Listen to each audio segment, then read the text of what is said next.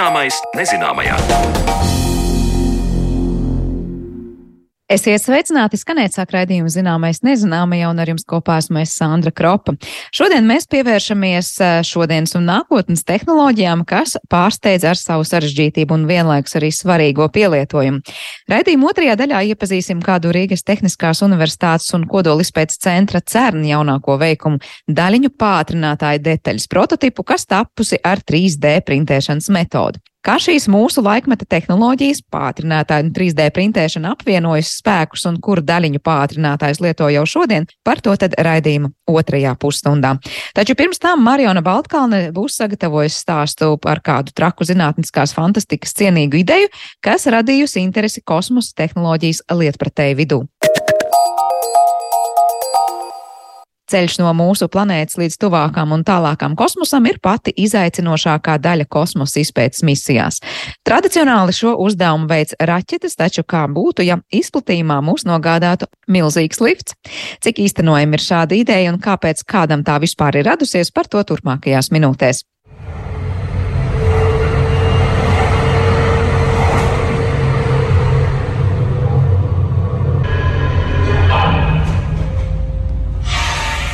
Vai varat iedomāties tādu ainu, kad cilvēki kosmosā dotos iekāpjot nevis raķetē, bet gan liftā, kas tad pēc vairāku dienu ceļojuma pasažierus izlaistu galamērķī?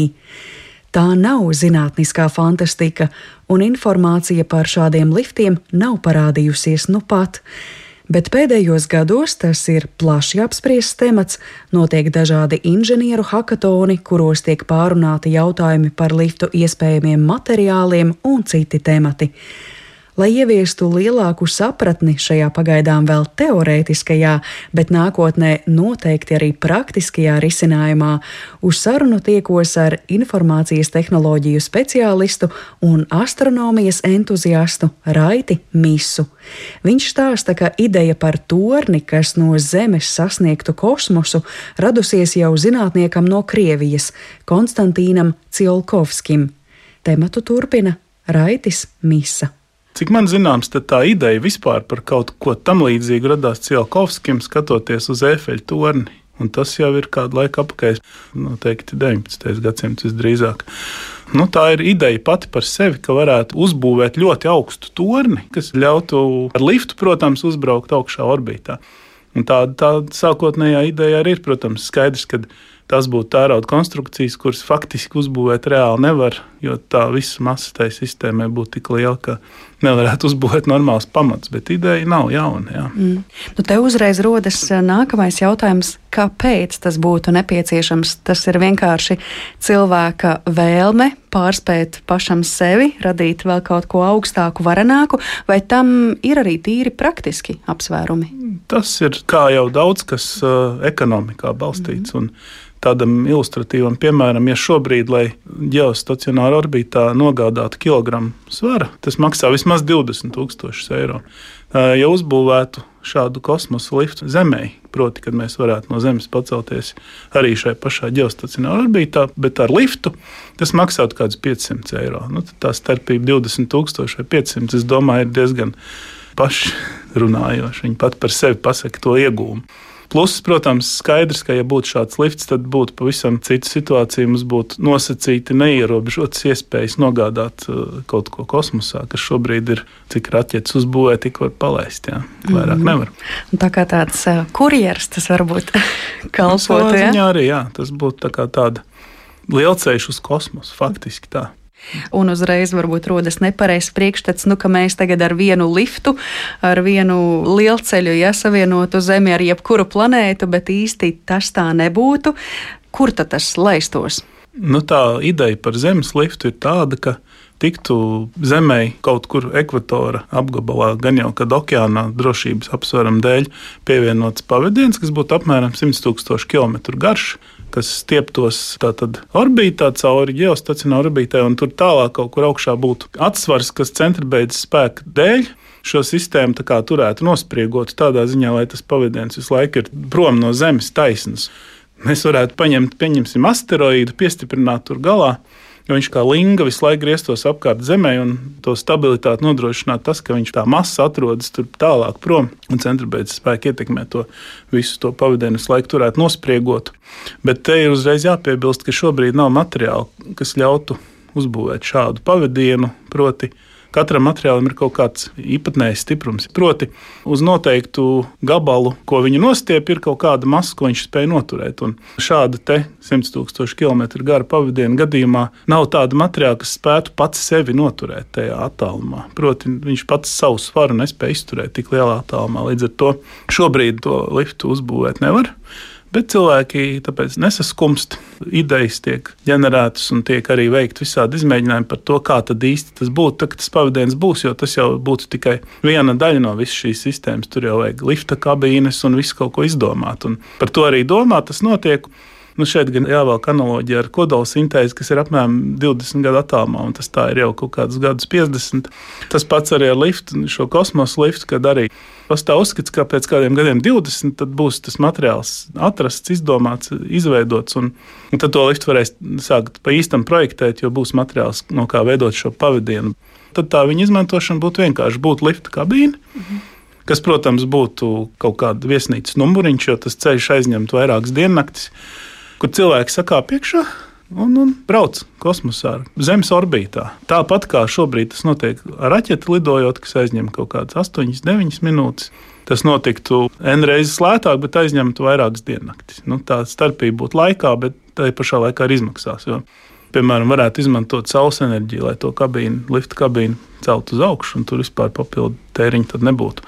Vai izskan jau kaut kādas idejas tajos pašos hackathonos, no kāda materiāla tad tādu liftu varētu veidot? Nu, zemes gadījumā ir tās oglekļa nanošķiedras, un tas ir vienīgais, kas ir tāds kā kandidāts šāda te milzīga gara un ļoti izturīga pavadiena, nu, tātad troses izveidē. Bet te uzreiz jāatzīst, ka šobrīd garākais šāds te, ko ir izdevies uzražot, teiksim, tā ir kaut kur apmēram metru garš šāda nanocaurulīte oglekļa nanocaurulīti. Un, un mūsu uzdevums būtu viņu uzražot tātad 100 tūkstošu km garu. Jo, ja viņi būtu īsāki vai kaut kā viņas sastiprināt, uzsiet mezglu un sasiet, visdrīzāk, ka nevarēs, ka viņai būs jābūt vienlaidu šajā garumā. Tā arī ir tā problēma. Ja mums tādu izdotos saražot, tad tas lifts kļūtu par realitāti. Mm.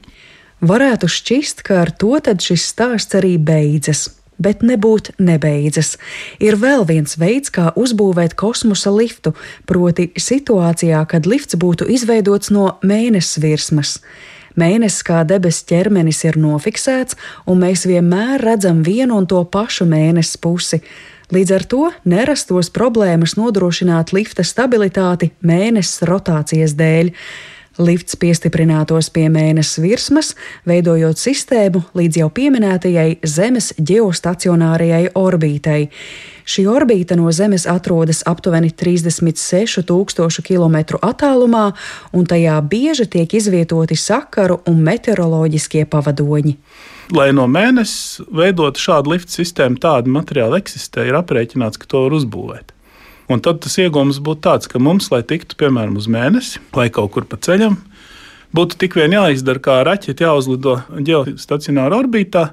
Tālāk mēs atkal, kā jau iepriekš teikts, iekāptu liftā un tad brauktu uz mēnesi vai jebkur citur pa ceļam, kur nu mums ceļā uz mēnesi vajag. Un tas būtu tas veids, ko var tehnoloģiski īstenot. Protams, tas būtu krietni dārgi, bet uh, tā ir lieta, ko šobrīd ar esošiem materiāliem var jau paveikt.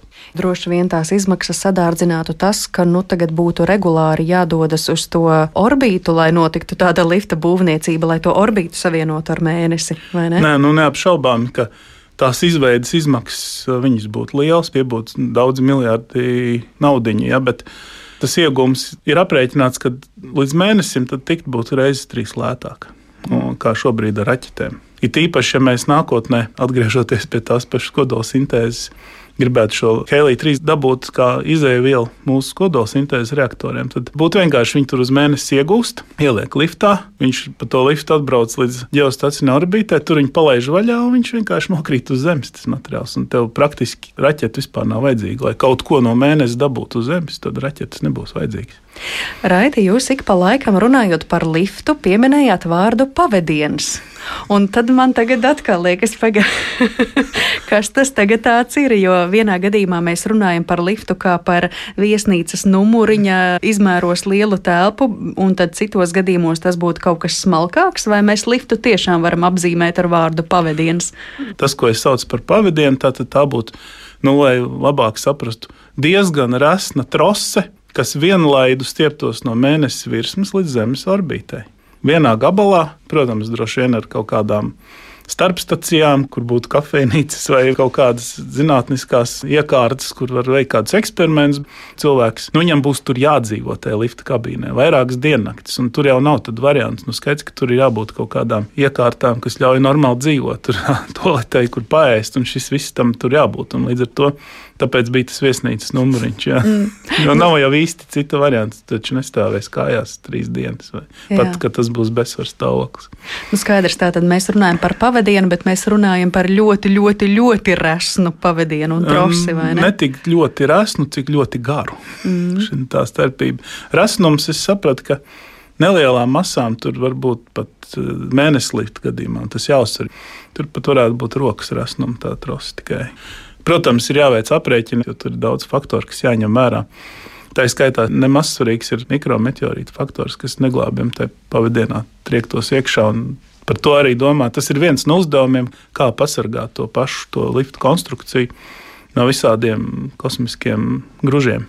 Bet eh, tā es mēģinu tā vizualizēt acu priekšā, tad eh, kur tās telpas, kur cilvēki dzīvotu, tai trosē piestiprinātos kaut kāda būtu sistēma, kas ļautu pa to trosi slīdēt šai kabīnei. Kaut kādi gan jau ritentiņi, kaut kāds motors, kas tos ritentiņus griež. Tā ir nu, inženiertehnisks dabas jautājums, kas pilnīgi noteikti ir atrisināms. Un, starp citu, Kakatonos tā bija tieši viena no problēmām, kā šo risināt, kā nodrošināt to, ka tā kabīne, to pavadienu vai mm. to trosi slīd uh, un nerodas kaut kādas problēmas šai procesā. Jūs pareizi jau to norādat. Ne, nav tik vienkārši, bet tas ir atrisināms. Tas ir vienkārši inženieriem darbs. Protams, ir vēl citi sarežģījumi, piemēram, attālums starp Zemi un mēnesi mainās, un tas ir jāņem vērā, veidojot šādu sistēmu. Svarīga būtu arī lifta stabilizācija, bet te jāatsaucas uz jau pieminēto lifta stabilizēšanu ar asteroīdu, kas mums, tā teikt, apkārt lidinās daudz. Atliktu vien noķert pareizas masas asteroīdu, piestiprināt lifta pavadienam galā un jau atkal ar centra beidzes spēku asteroīds liftu stabilizētu. Lifta tehniskā apkope tas jau būtu nākamā līmeņa jautājums, kad lifts reāli taptu. Bet vēl šajā stāstā jāpiemina tāds jēdziens kā Lagranža punkti. Tie ir apgabali, kuros Zemes un Mēnesis gravitācija izlīdzinās, un par to saistību ar kosmosa liftu stāsta Raitis Misa. Zemes un Mēnesis gravitācija izlīdzinās, un tad viņi abi divi vēl katrs uz savu pusi apmēram ar vienādu spēku, un tur ir viegli noturēties tādā ziņā, ka nepieciešams maz degvielas. Piemēram, James Webb teleskops arī atrodas aiz mēnesi prom šādā punktā un viņam ir maz jātērē degviela, lai tur paliktu. Un tad tāds Lagrāņš punkts starp Zemi un Mēnesi ir interesants ar to, ka tā ir vieta, kur varētu veidot kaut kādu zinātnisko stāciju, kaut ko lielāku. Tad tur būtu viegli tikt, ja būtu šāds lifts, jo vienkārši aizbrauc, pastrādāt pāris nedēļas, izdara kaut kādu savu darbu, un tur varētu veidot tādu kā bāzi, kā kosmisko staciju. Kā grāņša punktā tā stacija tur varētu atrasties, nu, principā neierobežot laiku ja arī kāds lifts tiks veidots, tad pirmkārt tas, tas būs mūsu apspriestais mēnesis, kosmiskais lifts. Par Zemi, kā jau minēts, šobrīd tiek domāts tikai teorētiski, jo nav tā materiāla, tās oglekļa nanošķiedras caurulītes. Bet gan jau vienu dienu arī to saražos, un tad arī sāks domāt par to, kā šādu liftu būvēt. Bet kas ir interesanti, principā tie esošie materiāli, tā, protams, ir pavisam tālu. Fantastika varētu ļaut veidot šādu liftu arī Marsam. Tur es sapratu, ka sanāk, ka tie materiāli spēj izturēt tās slodzes, un tur uz Marsa varētu šādu liftu arī uzbūvēt. Bet, nu, te jāsaprot, ka te ir runa par ļoti tālu nākotni. Bet, ja mēs runājam par teoriju, tad jā, jau šobrīd, ja vien būtu kāds, kuram ir tik daudz naudas, cik nevienam nav, tad varētu arī par kaut ko tādu domāt Marsam. Bet tur arī tā ideja būtu tāda pati, ka tas ir nevis patiešo no Marsa uz Zemi, bet caur kaut ko, caur to pašu. Tur tā orbītu. ideja būtu tāda pati kā jebkuram mhm. kosmosa mm liftam. Un te jāsaprot, tā galvenā lieta netiek savienoti divi kosmosa ķermeņi. Mm. Tas lifts faktiski ir no virsmas līdz orbītai. Un tikai tā. Ideja ir tāda, ka mēs pie virsmas piestiprinām striķi, izmetam viņu kosmosā un pat to striķi tad lienam orbītā. Mm. Un tā ir tā ideja, tā garā pupa.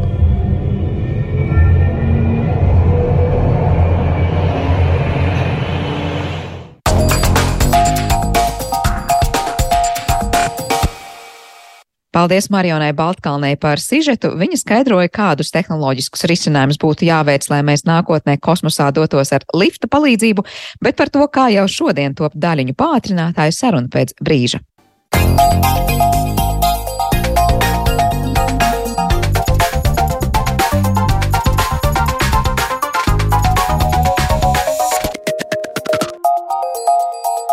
Zināmais nezināmajā. Lielais hadrona pātrinātājs noteikti ir slavenākais un lielākais no daļiņu pātrinātājiem, un to darbina jau 12 gadus, šīs iekārtas uzdevums ir atrast atbildes uz fundamentāliem pasaules jautājumiem no daļiņu fizikas skatu punkta. Taču pātrinātājus krietni mazākā izmērā lieto arī citās nozarēs, un Rīgas Tehniskās universitātes pētnieki sadarbībā ar CERN ir darinājuši prototipu pātrinātāju sastāvdaļai, un te laikā talkā nākus kāda cita mūsdienu iekārta, proti 3D printēšana. Kas īsti ir paveikts un kāpēc pātrinātāji ir tik svarīgi, piemēram, medicīnā, par to turpmākajās minūtēs mēs attālinātu uz sarunu esam aicinājuši Rīgas Tehniskās universitātes profesoru un Latvijas pārstāvi Cernā Tomu Torimu. Sveiki, Tom! Labdien! kā arī Rīgas Tehniskās Universitātes pētniekus, arī tātad šobrīd atrodas Cernā uh, Gunti Pikuru un Andri Rātku. Labdien! Labdien! Labdien. Sākšu ar to vispirms, ko ir izdevies radīt. Es saprotu, jūs visi kopā esat kārtīgi strādājuši. E, viens dizainējis vairāk, otrs es nezinu, ko rēķinājis vai kā citādi izdarījis, bet katrā ziņā ir liels panākums. Ir izprintēta īpaša pātrinātājiem nepieciešama detaļa. Ko tas īsti nozīmē, kā tas izskatās un kam tas īsti kalpo? Varbūt tā sākšu es stāstot vai uzliekot uz uz bildi, parādot, kas ir radiofrekvences kvadrupls kā tāds. Radiofrekvences kvadrupls cernā arī tiek lietots, tiek lietots kā pirmā pātrinātāja daļa pēc daļiņu avota. Viņš veic ļoti būtisku funkciju. Pēc daļiņa avota daļiņas plūst plūsmā, un šīs konkrētais pātrinātājs šo plūsmu fokusē, samazina, saspiež mazāku, respektīvi daļiņas, kuras ir vienādi lādētas, mēģina aizmukt viena no otras.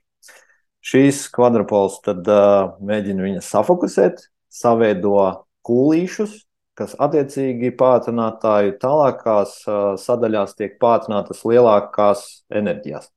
Šis ir siltais, tā teikt, normāli konduktīvu uh, pātrinātājs, uh, darbojas istabas temperatūrā un izgatavots no tīra vara tīra vara, tāpēc, ka augstā um, um, vadītspēja, elektrības vadītspēja nepieciešama.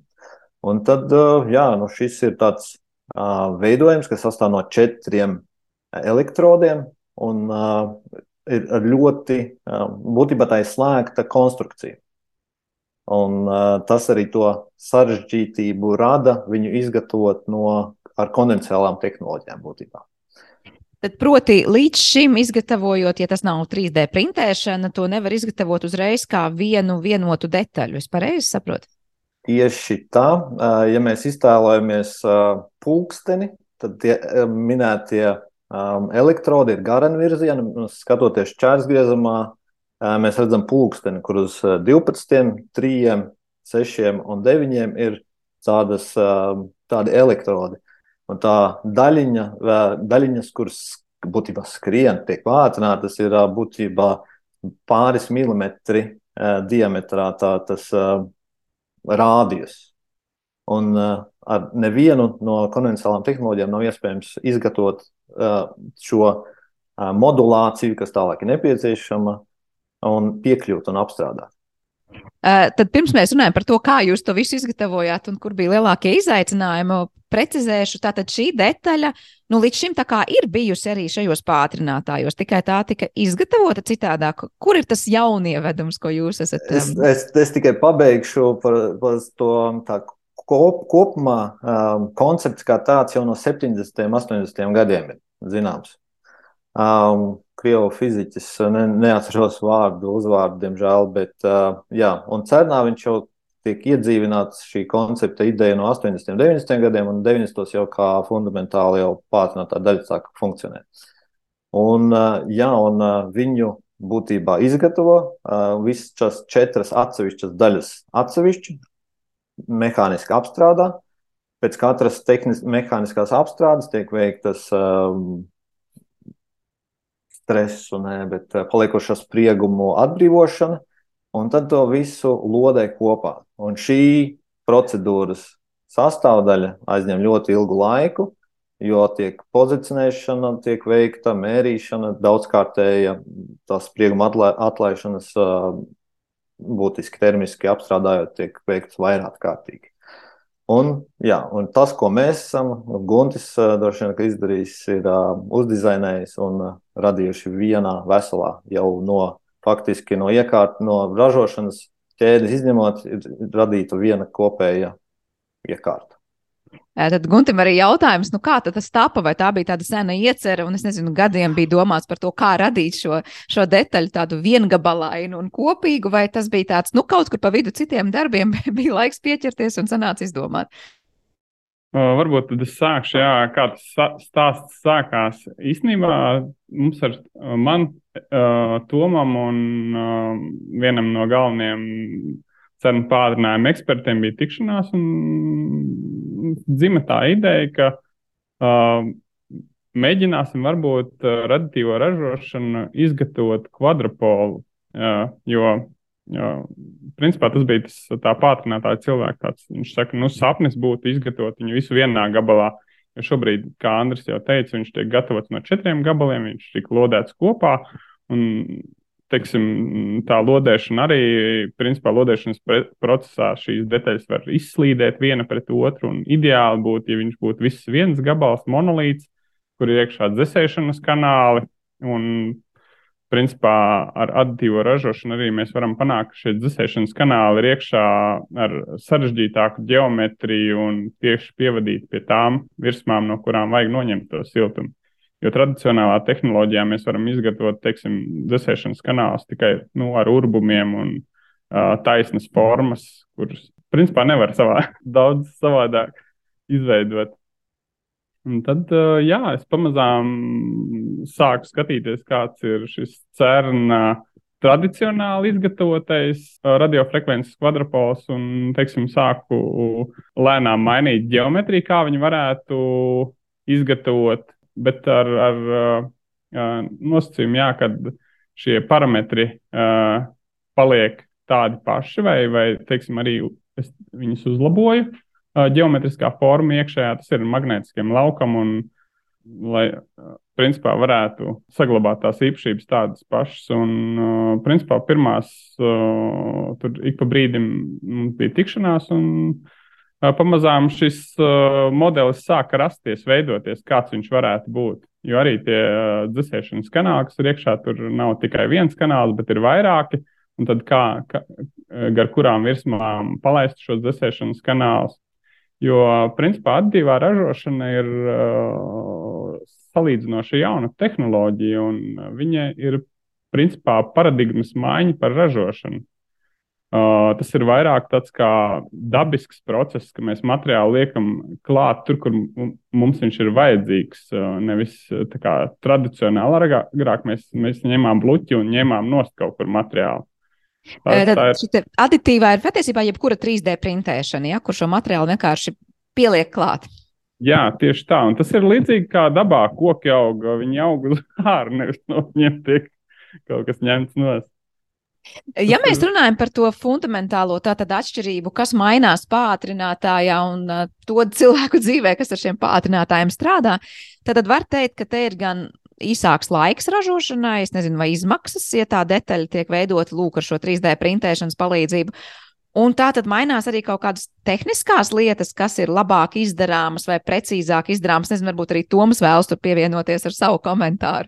Jā, nu šeit ir vairākas lietas, ko jau kolēģi jau iesāka šķetināt. Nu, tas, tas galvenais klausītājiem droši vien, kad vissaprotamākais ir šī um, sarežģītības pakāpe. Mēs šo sarežģīto mehānismu, kurš ir ļoti kritiski svarīgs daudzās iekārtās, mēs par viņām varam parunāt. Piemēram, nu, rengena aparātā jūsu, jūsu zobārstu kabinetā vai slimnīcā. Ja? Tur, tur, tur ir tā daļiņa iekšā, tā, tā, tas radiofrekvences pātrinātājs. Viņš ir diezgan sarežģīts pēc savas būtības, un tā mūsu uzdevums šeit, kā Latvijas komandai, bija paņemt kaut ko tādu, kas ir super sarežģīts, ko, ko neviens cits cits nav um, atvēzējies veikt. Un tas mūsu tas sasniegums, ka mums tas izdevās, ka mēs pierādījām to, ko mums uh, lielākā daļa uh, kolēģi teica, nu, diez vai, un, un citi atkal teica, nu, kur tad, nu, beidziet, teiši, nu, tas tak nav nopietni, nu, šito tak nevar izdarīt. Ja? Tā kā tas ir tas, tas lielais mūsu Latvijas sasniegums, ka mēs, mēs to esam paveikuši, tāpēc mēs ar to arī ļoti lepojamies. Un, ja mēs skatāmies uh, naudas ziņā, tad, ja mēs ņemam lielo uh, hadronu pātrinātāju, kurš tika minēts raidījuma sākumā, uh, tātad viena metra izmaksas ir apmēram viens miljons. Viens miljons eiro, viens metrs. Uh, un šo izmaksu galveno daļu sastāda šis kvadrapols, kur ir ļoti grūti izgatavot. Tur ir ārkārtīgi liela precizitāte, ļoti liels tāds nu, tāda mikroķirurģija tur ir. Un skaidrs, ka, ja mēs viņu taisām ar, ar šīm parastajām metodēm, tas prasa baigo laiku, un viņi apmēram gadu taisa. Ja? Tātad gadu šis tehnoloģiskais process vienam metram. Ja? Un uh, tas, ko mēs šeit esam parādījuši, ka mēs, labi, šis nav metrs, tie ir 400 mm, ja? uh, mēs viņu uztaisījām piecās dienās. Un izmaksas ir pa kārtu zemākas. Tātad mēs runājam nevis par miljonu, bet par simt tūkstošiem. Nu, tas ir ļoti interesanti ne tikai cernam vai lielām šīm eh, pātrinātājiem kompleksiem, bet taisni biznesam, kas eh, ražotājiem, kas veido šos pātrinātājus visās mūsu dzīves jomās. Vai nu tas ir hospitāls, vai nu autorūpniecība, vai, vai, vai medicīnisko preparātu dezinfekcija. Jūsu covid maskas, viss tas ir dezinficēts ar šādiem, šādiem aparātiem. Tā kā tas pielietojums īstenībā ir apmēram 98% no visiem pātrinātājiem ir, ir ražošanā. Un tur ir tā pievienotā vērtība, ka mēs parādām to, ka mēs šo ļoti komplekso, dārgo, sarežģīto detaļu, nu, tīrs svarš gluži nav zelts, bet nu, uz to pusi ir, ka mēs viņu varam ar šo aditīvo ražošanu, nu, tā kā koki augu uztaisīt tādā veidā, kā mums vajag precizitāti. Nu, tas ir tas pienesums. Bet kas notiktu tagad, ja tie būtu nevis tie milimetri, cik jūs minējāt, bet tā metra detaļa tomēr būtu jāizgatavo ar šīm tehnoloģijām? Nav pamats bažām, ka kaut kas nestrādātu, kaut ko nevarētu, kaut kas tomēr nesanāktu. Jā, nu, tas ir tas, pie kā mēs arī strādājam. Tiešām mūsu zinātnieku komanda šī projekta ietvaros strādā pie nu, palielināšanas šī. Un galvenās ierobežojumi ir tehnoloģiski, nevis teiksim, tā principiāli. Jo šī iekārta, uz kuru mēs šo, šo prototipu izgatavojam, ir unikāla pirmā pasaulē. To arī šis mūsu radītais darinājums, šis kvadrapols, tika prezentēts kopā ar jaunu iekārtu Frankfurtas Formnext izstādē uh, novembrī uh, Pols svētkiem uh, un tika parādīts, ka, ka to var izdarīt. Tātad mēs gaidām, kad šie uh, iekārtu ražotāji radīs lielākas iekārtas. Pieprasījums no industrijas ir. Un skaidrs, ka tas notiek. Ķīnā jau ražo metru, gan diametrā, gan augstumā šādas iekārtas. Ražo tikai neviens nav redzējis, kā viņas strādā. Ja? Tā kā mēs vairāk tā kā uz Eiropu koncentrējamies. Bet Ķīnā ražo arī ar šo 3D printēšanu, ar to aditīvo metodi. Nu, tā viņi saka, tik to neviens nav redzējis. Jā, jā nu, tas būtu interesanti redzēt, kā tas izskatās. Bet man, jā, gan Guntim, gan Andrim, tad jautājums arī līdzīgs, vai ir tā iekšējā sajūta, ka, nu, labi, mums izdevās, bet mums izdevās tajos mazajos izmēros, vai, vai varbūt citiem arī būtu izdevies tajos mazajos izmēros radīt šo detaļu. Runājot par izmēriem, arī esošajie um, kvadrupoli un pātrinātāji, kas tiek, tiek stiprināti vairākos, um, tā kā viņi skrūvēti kopā. Un šajā gadījumā arī Gunta paredzētais dizains arī paredz, ka viņu var, mēs varam turpināt un saskrūvēt arī vairākas šādas kopā. Eh, tiesa gan, kas ir jāpiemina, ka mēs esam ceļa sākumā. Šis ir tikai un vienīgi otrais uh, prototyps, kas tiek radīts. Un uh, šīs virsmas raupījuma rādītāji, precizitātes rādītāji mums vēl ir uh, jāpierāda. tāpēc ir paredzēti arī testi. Bet uh, gandarījums ir, un uh, gandarījums arī minētajā Toma uh, izstādē, to, kad uh, mūsu uh, gunta radītais dizains, mūsu ko, ko, kopējais uh, objekts ir uh, nostādīts uh, blakus um, iekārtai, kas tiek demonstrēta kā jauna. Un, jā, ne tikai kā mēs, kā Rīgas Tehniskā universitāte, bet kā arī kā, kā, kā zinātnieki, mēs tiekam uzlikt uz kārtas būtībā. Uz augsta, uz augsta plauktiņa, vai ne? Gunti, kāds komentārs vēl pie dzirdētā par to, nu, kādi tie tālākie soļi, un vai ir kaut kas, kas liek domāt, nu, labi, līdz galam kaut kas nav izdevies, jo vēl jau nav tas metra izmēra detaļa izveidot tieši šo tehnoloģiju. Nē, nu īstenībā ir tā, ka arī šis uh, gandrīz uh, 400 mm garais ir unikāls. Tāpēc, ka tīru varu nav neviens uh, drukājis 4 metrus. Ir vara sakausējumi drukāti, un tur ir Amerikas kompānijām, jā, ka viņi uh, raķešu dzinējus printē metru garus, bet tas ir uh, vara sakausējums. Viņš nav tīrs varš, un ar tīru varu, principā, es domāju, ka mums ir šobrīd garākais paraugs, kas ir izdrukāts. Par to varu tieši runājot, es saprotu, tas ir bijis tas lielais izaicinājums panākt, ka tehnoloģija strādā tieši ar šo materiālu. Varbūt ir iespēja izskaidrot tā pavisam vienkārši, kāpēc tieši jābūt tīram varam tajā konkrētajā detaļā un kur ir tās lielākās grūtības, kas ar to materiālu notiek tajā brīdī, kad to izgatavo un pēc tam darbina. Jā, nu tīrs varš ir vajadzīgs, eh, lai mums uh, elektrības vadītspēja būtu ies, iespējami labāka. Tīrs varš nozīmē mazāk pretstību, mazāk uzsilst, viss mazāk deformējās. Tīri no, no, no šī viedokļa. Un jaunums ir tas, ka uh, aditīvās ražošanas, uzmetināšanas, uzķipināšanas, sauciet viņu kā, kā gribat, metodi, ar tīru varu nemaz tik daudz eksperimentu pasaulē nav bijis. Tas jau pats par sevi ir jaunums nu, no tāda te, tehnoloģiskā viedokļa. Tagad tur ir ne tikai pati šī aditīvā ražošana, bet šī pulveru materiāla uh, tehnoloģija, lai mums būtu atbilstošs uh, blīvums, lai, lai, lai, lai mums būtu šīs elektro uh, īpašības, jo tur mums mēs tos elektronus vai daļiņus mēs pātrinām, mums vajag, lai viņi, lai viņi uzvestos tā kā, tā kā pieklājās, nevis kā viņiem gribās, ja, dabiski. Un tāpēc ir šīs specifiskās materiāla, materiāla īpašības, eh, kuras ir, ir jānodrošina.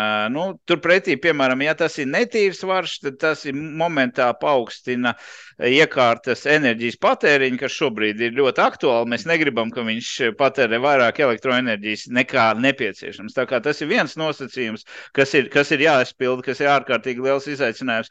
Un tīri tehnoloģiski šī aditīvā ražošana šajā gadījumā tiek veikta ar lāzeru. Tātad jūs varat iedomāties, ka tā kā tādā smilškastē mums uzber to pulveri tajā, tajā, uztai, tajā, tajā darba vidē, un tad lāzeris eh, braucot eh, pa virsmu trijās eh, dimensijās vienkārši izdedzina to vietu, kur mums jāveido šis jaunais slānis. Ja?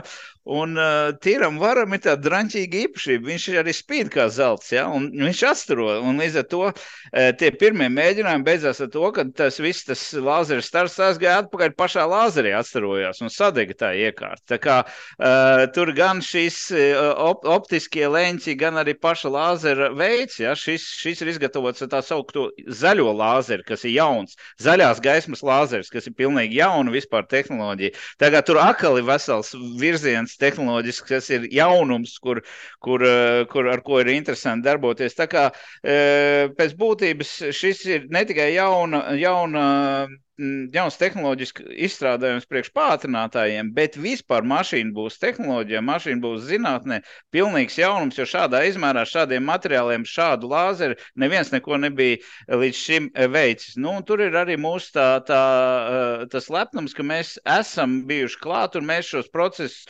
esam ne tikai ietekmējuši, bet eh, pat vadījuši. Un tas ir tāds priekš Latvijas ļoti liels, eh, manuprāt, sasniegums starptautiskajā līmenī, ka mums ir šī uzticība. Un tas, protams, protams, mums dod iespēju tālāk attīstīties. Ja? Mēs varam Pie mums jau tagad nāk no citām laboratorijām cilvēki un, un arī industrija un saka, eju, jums šitas izdevās, ai jūs šito te varat priekš mums uztaisīt? Un mēs sakam, nē, nu paga, nu, principā varam, jā. Nu, mums ir jāpadomā, ko un kā mēs darām, tā kā tam jāpiet strateģiski. Dodiet piecas dienas un būs, jā. bet, bet jautājot par to, kā tas viss tapa, Toms pirms brīža teica, nu, tad jūs izgatavojāt jau to detaļu piecās dienās, bet cik garš bija tas posms, par kuru mēs tā, dzirdējām tās neveiksmes, ja, kad kaut kas nesanāk, iekārta sadeg. Uh, cik ilgā laikā bija tie klupšanas un krišanas posmi, un kādi tie bija, un cik ļoti nu, proporcionāli, es nezinu, jūs ilgi nomocījāties līdz tam gala rezultātām, kamēr tikāt?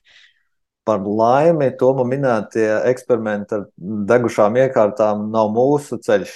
Mēs uh, jau strā, būtībā sākām strādāt ar mazāka izmēra ceturto daļu no šī pilnā RFQ, ko mēs dotajā mirklī esam arī Gunta izstrādātā dizainā, un mēs jau sākām eksperimentus ar viņiem. Tā kā mēs esam sākuši no 2021. gada pavasara būtībā. Nu, un, ja mēs paskatāmies, Andri, kad tu sāki šos pētījumus veikt, tev pirmā zinātniskā pieredze īstenībā sākās tur. Tas bija Dresdenē, kad tu kā doktorants tur biji gadu apmaiņas programmā, un tas bija kurš gads tur sākās īstenībā šī izpēte. Varbūt uh, paiem bišķi atpakaļ. 2013. bet uh, jā, strādāju ar pilnīgi citām tehnoloģijām. Iedīgļi, var teikt, veidojās jau tad. Uh, Guntim jautājums, es nezinu, nu droši vien ir tā lieliskā sajūta, ka es dizainēju to detaļu un redzu, kā sanāca, bet, protams, ka strādājas ar visu komandu. Uh, arī, protams, pārējiem jautājums, kādas ir tās jūsu versijas, kāpēc tieši jūsu komandai izdevās, un kā Toms pirms tam teica, neviens taču neķērās klāt un teica, to nav iespējams izdarīt. Kāpēc jums izdevās? Principā tas bija stāsts uh, par to, ka es atsāku doktorantūru un bija vajadzīga tēma. Tas, uz ko norādīja pātrinātāji cilvēki, ka nu, tas ir sapnis, varbūt pamēģinam šito. Tad, nu, attiecīgi, es arī sāku skatīties, nu, kā, kā es jau stāstīju, esošos, tad mēģināt viņu pār, pārreikināt, saglabājot geometriju, uzlabojot geometriju. Bet vai tās bija kādas, nu, jūsuprāt, es nezinu, rakstura īpašības, kas ļāva mesties klāt tam nezināmajam un teikt, es par katru cenu mēģināšu, vai, nezinu, īpašas zināšanas un kaut kādas prasmes, kas sastājās īstajā vietā, īstajā laikā? Kādas ir tās jūsu versijas, vai esat par to domājuši? Nu, kāpēc citiem neizdevās, bet mums izdevās? tās varētu būt arī tās prasmes un, un būt īstajā vietā, īstajā laikā. Šajā gadījumā es domāju, arī pie, piebilstot, ko Guntis minēja, disertācija būtisks elements, bet otrs būtisks elements ir arī projekts, kurā mēs esam kā partneri un darba pakas koordinātori Toma. Torim izskatā, un mēs būtībā esam klātesoši pie cerna pātrinātāju cilvēkiem, kuri arī ieraudzīja deksmi vai vēlmi pierādīt mums, pierādīt, ka mēs varam, ko, ko mēs gribam un ko, kāda ir mūsu perspektīva, varbūt tās arī nākotnē. Uh, jā, šeit es domāju, ka arī būtisks jā, ieguldījums ir bijis vairāk gadu garumā Toma klātbūtnē šeit, Cerna. Un mēs jau šeit mēs darbojamies ar tiem augļiem, kas ir jau, jau, jau vairāk uz gadus tapināti, varētu teikt. Tad, Tom, kāda tava versija par to, kāpēc ir tā tik veiksmīgi viss sanācis? Nu, trakajiem pieder pasauli. Ja? Mums ir ļoti laba spēja Latvijas zinātniekiem ar savu plašo tvērumu saprast kompleksas lietas un saprast cilvēkus. Mēs ļoti labi varam, šis ir komandas darbs, kurā piedalās itāļi, francūži, vācieši. Uh, Uh, mēs dabūjām biznesa kompāniju jaunu, kur, kur atnāca un uztaisīja šo visu pie sevis pa brīvu. Principā pa brīvu. Uh, mēs mākam sarunāt, mēs mākam uh, rast ticību. Un skaidrs, ka, kā Andris teica, tas ir pateicoties tam, ka mēs esam CERN, Latvijas CERN asociētā dalība valsts.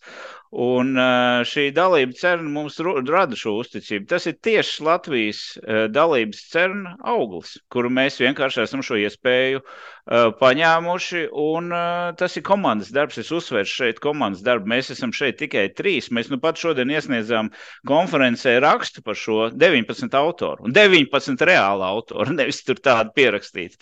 Tā kā tas ir liels komandas darbs, un tas mums izdodas šo, šo visu salikt kopā. Un līderība. Jā, mums pieder līderība, un tas ir ļoti svarīgi zinātnē, uh, zinātnes greizsirdības uh, un, un, un arī biznesa greizsirdības vidē. Uh, līderība ir ļoti svarīga. Un mums šī līderība šobrīd ir pateicoties tam, ka mums ir uzticības kredīts no, no visiem. Un, uh, tāpēc mēs arī šos, šos rezultātus dalām ar visiem. Šis ir komandas darbs, tas nav tikai mūsu trīs sasniegums.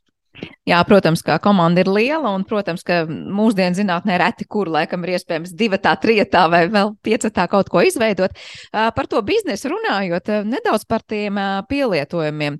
Toms jau pirms brīža stāstīja, nu, sākot no zobārsta kabineta, kur tie pātrinātāji patiesībā tiek lietoti, veicot zobu renkenu. Varbūt varam pavisam vienkārši izstāstīt, abstrahējoties no lielās, sarežģītās un tālās zinātnes, kur dien dienā mums tie dažādie pātrinātāji patiesībā ir klātesoši un kur mēs tos, nu, tos augļus baudām un lietojam. Jā, nu, viena būtiska lieta, kur tie tiek lietoti un arī pamazām arī biežāk tiek lietoti, ir medicīna. Tā ir uh, jona terapija, vēža ārstēšana, kur mēs saskatām to pievienoto vērtību padarot šo tehnoloģiju lētāku, vismaz vienu no segmentiem. Tur jau ir pārējie, protams, neatpaliek, bet viņa kļūst pieejamāka. Pieejamāka cilvēkiem, pieejamāka, lai ražotu un būtu, jā, būt, būt, būtībā, lai būtu pieejamāka. Un otra būtiskā sastāvdaļa ir industrija, tā ir materiāla, zinātnes pētīšana un tā skaitā arī pusvadītāja tehnoloģijas kur tas tiek lietots. Būtībā tā visa pielietojamā fizika. Un mašīnu riepas, un uh, visas šķirces, un milti, ko jūs ēdīsiet šodien pusdienās, pankūks, tie graudi ir apstrādāti, lai tur nebūtu tam, kam tur nav jābūt ar, ar, ar pātrinātāju. Un uh, mašīna, uh, jā, riepas mašīnai tā tad, uh, lai gumijai būtu tāda, lai viņa nebūtu tā kā pagali, bet, bet lai viņai būtu šīs elastīgās īpašības. Ir ar elektronu kūli apstarots, ko mēs nezinām. Visas plasmas detaļas jūsu mašīnā, lai negrabētu, ir apstarots ar elektronu kūli, ar šīm iekārtām, lai viņām būtu šis pats, lai viņas, jums tur nebūtu tā kā koncertbuņžā jābrauc. Tā kā tas viss tiek pielietots ļoti, ļoti plaši. Gan autobūvē, gan arī uh, dažādos zinātniski pētnieciskajā uh, laukā, bet, nu, protams, medicīna ir tas, kur mēs visvairāk skatāmies un, un redzam savu savu ieguldījumu arī, lai padarītu šīs tehnoloģijas lētākas. Nu, mums vēža statistika ir tāda, kāda viņi ir reģionā, bet ne tikai mums, arī Balkānos vai Āfrikas valstīs tāpatās ir. Un, ja šis rengena aparāts maksā 100 tūkstoši vai viņš maksā 5 tūkstoši, ir liela starpība, vai šī tehnoloģija ir pieejama vai nav. Un tas ir mūsu nākamais solis īstenībā, uz ko mēs ejam, padarīt šo visu kompaktāku, lētāku, pielietojamāku, un tie ir atkal citi projekti un droši vien cits stāsts, Sandra. Ja? Jā, par tiem nākamajiem soļiem gribēju vaicāt. Es saprotu, jūs virzāties tik un tā tālāk. Tad ir lielisks sasniegums, kas ir veikts, bet uh, jums ir tagad, es nezinu, citos izmēros jāpanāk atkal, lai strādā detaļu un citiem pātrinātājiem un citās nozarēs būtu plašāk lietojumi. Kas ir tie, tie soļi, kas sekos? Viennozīmīgi tie ir testi. Testi, lai pārliecinātos, kur mēs esam ar doto tehnoloģiju, kas ir jāmaina dizainiski esošajās um, un faktiski, lai pierādītu sev pašiem un pātrinātai kopienai, kur mēs esam, ko mēs esam sasnieguši ar esošo dizainu. Un tad, attiecīgi, apsēsties pie dizaina dēļ būtībā un pārdizainēt, ieviest tās kļūdas, labot kļūdas, kur ir kļūdas un turpināt, jā, testi, parādīt, ka mēs varam. Mhm, paldies, Gunti! Um, jā, Andris uh, pareizi teica, mums uh, ir diezgan daudz darba šeit vēl, lai panāktu šo prototipu līdz strādājošai iekārtai. Un tā ir pēcapstrāde un precizitātes paaugstināšana, virsmas kvalitātes paaugstināšana. Tas ir arī tas, pie kā mēs šobrīd strādājam. Un tad jau tālāk ir arī šie testi, kas ir tieši pie uh, daļiņu pātrināšanas, tas ir vakumā. Uh, noturības pārbaudas, pārbaudīt, vai, vai šiem printētajiem materiāliem, vai viņš spēja noturēt vakumu tādā līmenī, kā, teiksim, tradicionāli izgatavotās un arī radiofrekvences īpašību pārbaudas. Nu, tie, ir, tie, tie ir tie nākošie testi, kas mums, mums šobrīd gaida. Jā, un arī pieminot šos pielietojumus, arī plaši šos pātrinātājus pievien, pielieto lidostās skanēšanai, drošībai. Teiksim, ar šiem pātrinātājiem mēs varam redzēt jā, cauri somām un kas cauri apģērbiem. Kas ir tas, kas to panāk? Jo no vienas puses liekas, nu, ko tas elektronu kūlis īsti izdara, lai mēs vienā brīdī redzētu cauri somai, citā brīdī varētu ārstēt vēzi, un trešajā gadījumā panākt, ka automašīnu riepas ir tādas, kādām tam jābūt. Nu, daļiņas var pātrināt dažādas. Un katrai tas ir tāpat, kā nu, vai nu mums ir sāļa zupa, vai nu mums sanāk saldais. Ja? At, atkarībā no kā, kādu mēs, mēs daļiņu pātrinām, tādu mēs efektu varam dabūt. Piemēram, vēža ārstēšanai šobrīd mēs strādājam pie hēlija vai oglekļa uh, pātrināšana. Ja? Lielajā hadrona pātrinātājā mēs pātrinām protons, ja? kas ir kas atkal cita daļiņa. Tā kā tās daļiņas ar tiem pātrinātājiem var pātrināt dažādas. Tas atkal cits stāsts, kā, nu, kur, kuru mēs no tās Menģeļēva tabulas tur paņemam un, un šaujam gaisā. Ja? Tā kā uh, tas pielietojums ir ļoti atkarīgs no tā. Uh, šī komponenta atļauj strādāt ar visām šīm daļiņām. Līdz ar to tā, tā arī ir ļoti, ļoti um, svarīga lieta. Es jums varu dot vienu piemēru, kas ļoti interesants. Varbūt klausītājiem būs. Viens no pātrinātājiem ir Luvrā pagrabā.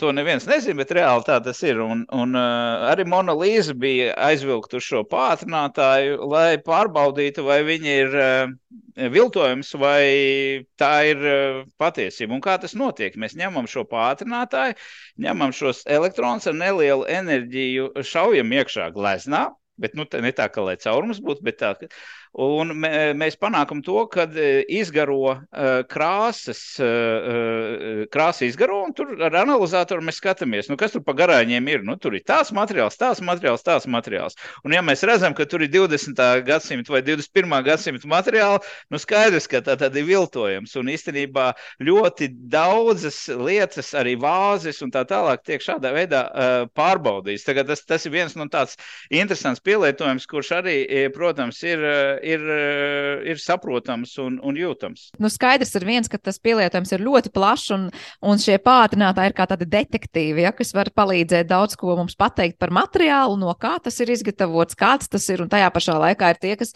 ļauj šo materiālu arī mainīt nepieciešamības gadījumā. Tieši tā. Un, piemēram, cenu gadījumā šis milzīgi lielais pātrinātājs ar milzīgi lielo enerģiju mums atļauj simulēt visuma pirmsākumus. Ja? Tā kā viss ir atkarīgs no tā, cik liela enerģija mēs tur ieliekam, kā Einsteins to ir pateicis mums, tā, to mēs arī dabūjam ārā. Ja? Tā, kā, tā tas ir. Jā.